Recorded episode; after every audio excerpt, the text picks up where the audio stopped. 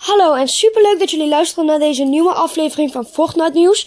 Vandaag gaan we het hebben over chapter 3. Um, ja, ik zou zeggen laten we beginnen. Ik ben vandaag met een vriend, dus hij vertelt soms ook even dingen.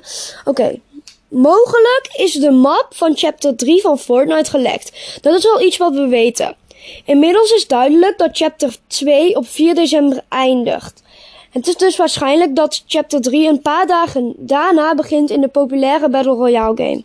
Online doet een kaart de ronde. Nee, sorry, het um, is nogal moeilijk. Volgens geruchten gaat het om een kaart die door een fan gemaakt is op basis van gelekte informatie. Zo of zelfs de echte map die expres al eerder is gelekt.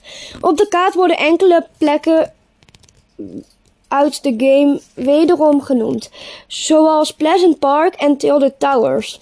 Er zijn echter ook veel nieuwe plekken te vinden. Vooralsnog is echter niet officieel bekend hoe, hoe wereld van Fortnite Chapter 3 in elkaar steekt. Hieronder is. Ja, oké. Okay, um, we gaan verder.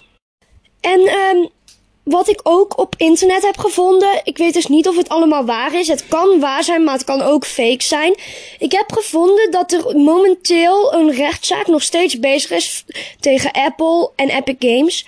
Dus daar zijn ze in ieder geval nog mee bezig. Laten we nu snel naar het volgende topic gaan. Tot, tot dan.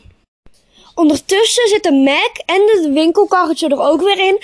Naruto is nu nog steeds te koop in de shop.